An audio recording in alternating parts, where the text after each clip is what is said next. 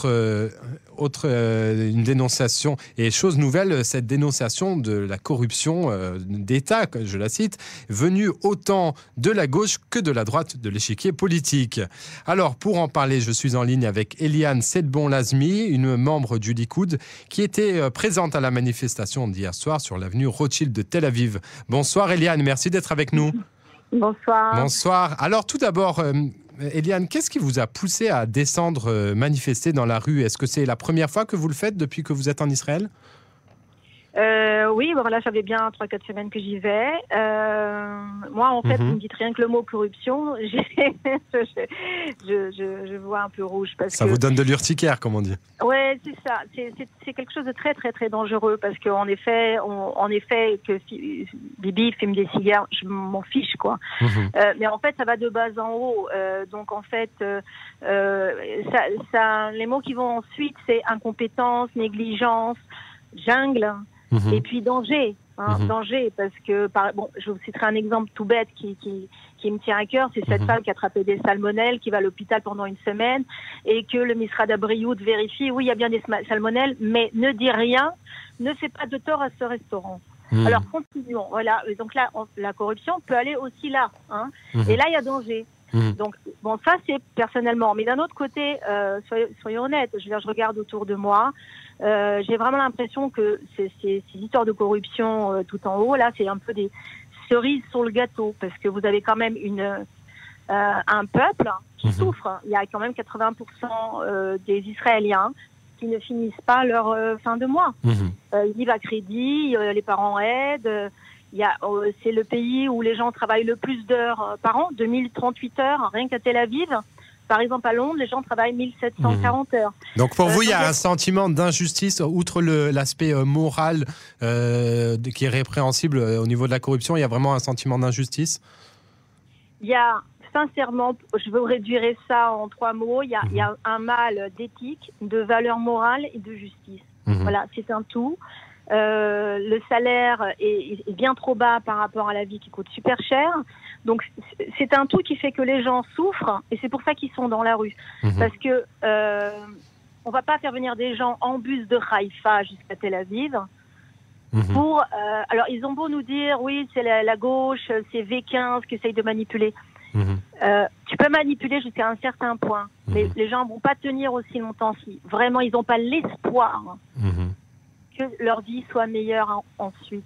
Mais alors, Eliane, euh, justement, je l'ai dit en introduction, vous, vous avez une carte euh, au Likoud, donc euh, a priori, vous avez plutôt décidé de droite. Alors, justement, ça m'intéresse de savoir que pensez-vous de cette manifestation, entre guillemets, de droite qui s'est tenue hier à Jérusalem? Êtes-vous surprise de ce mouvement qui pourrait être au final interprété comme s'opposant à son propre camp politique? Ou alors, est-ce qu'au contraire, vous êtes déçu par finalement ben, la faible mobilisation qu'elle a provoquée hier soir? Écoutez, avec la quantité d'amis euh, qui m'ont, qui, qui, quand je publie sur Facebook, je mhm. vais à cette manifestation, avec la quantité d'amis de droite qui font tout pour essayer de me convaincre de ne pas y aller et de me dire que je vais me faire du tort, je peux comprendre qu'on peut être timide à y aller. Mhm. Maintenant, euh, je pense que je ne suis pas la seule à être sioniste, okay, mhm. mais avoir aussi un regard humain. Et je pense que les gens du Likoud, qui, de droite, hein, qui étaient euh, à cette manifestation, euh, il est largement temps que les gens du Likoud hein, mhm. fasse le contraire de ce qu'ils ont essayé de faire jusqu'à maintenant, c'est-à-dire essayer d'écraser et d'étouffer ce peuple qui souffre, mhm. mais au contraire lui, dit, on, lui dire on vous entend, on vous a entendu. Mhm. Alors, euh, bravo aux, aux, courageux qui y vont, malgré le courant. Mhm. Hein Alors pensez-vous, euh, Eliane, qu'Israël soit particulièrement euh, assujetti à la corruption du pouvoir, qu'il y ait particulièrement énormément de corruption en Israël, ou bien qu'au contraire, euh, c'est la preuve que la police fait son travail et, fait, et travaille beaucoup? On peut voir les choses des deux côtés, vous voyez oui, ben écoutez, moi j'aimerais bien que la police elle s'élargisse un petit peu plus, hein, mhm. parce qu'il n'y a pas que les gens de là-haut là. Mhm. qui nous... Alors eux, ils font du mal de façon générale à tout le peuple, mhm. ok? Parce que euh, devoir euh, sortir 153 salaires aujourd'hui pour acheter un appartement, alors qu'il y a 10 ans il en fallait 44.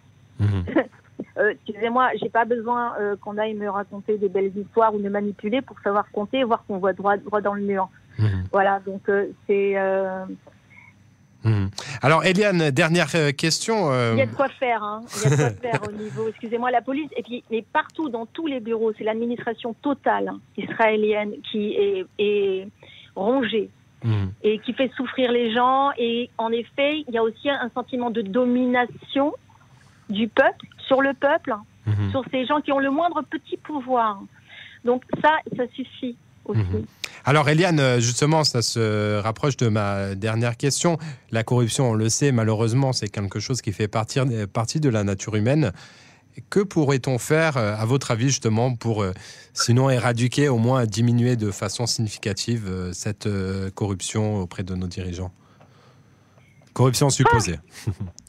Euh, ben, je crois qu'il faut les terroriser. Hein. Mhm. Donc renforcer, renforcer la législation bah, Premièrement, qu'après 7, 7, ans, ils reviennent au même poste, c'est carrément une plaisanterie. Je pense que vraiment, ils se sont bien gargarisés. Mhm. Et je pense qu'ils ont, ils ont dépassé toutes les limites. Ils se sont sentis tellement protégés que je pense qu'on on leur a donné, on leur a tendu la main pour continuer à, à nous traiter comme ça. Mhm. Je veux pas que ces manifestations s'arrêtent. Je veux qu'on les qu'on les arrête jusqu'au dernier.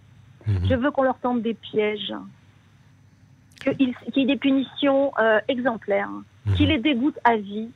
Euh, qui que ce soit qui veut rentrer en politique comprenne bien que vraiment, s'il a l'intention de faire comme les autres, mhm. ça va pas être aussi intéressant que ça l'a été. Et, que les gens honnêtes, je voudrais que les gens honnêtes les gens inachetables, et il y en a plein des gens comme ça. Ils vont, ils n'entrent pas en politique ces gens-là parce que, excusez-moi, ça pue. Ils veulent pas se retrouver dans un panier de crabes. Mhm. Et eh bien qu'ils se sacrifient et qu'ils rentrent en politique ces gens-là pour leur peuple, des gens propres. Mhm. Très bien, Eliane euh, Sedmon-Lasmi. donc, euh, je rappelle euh, donc que vous étiez hier soir à la manifestation sur l'avenue Rothschild de Tel Aviv. Je vous remercie énormément pour ces témoignages et j'espère que votre appel sera entendu. merci, beaucoup. Bonne soirée. Au revoir. Peut-être une bonne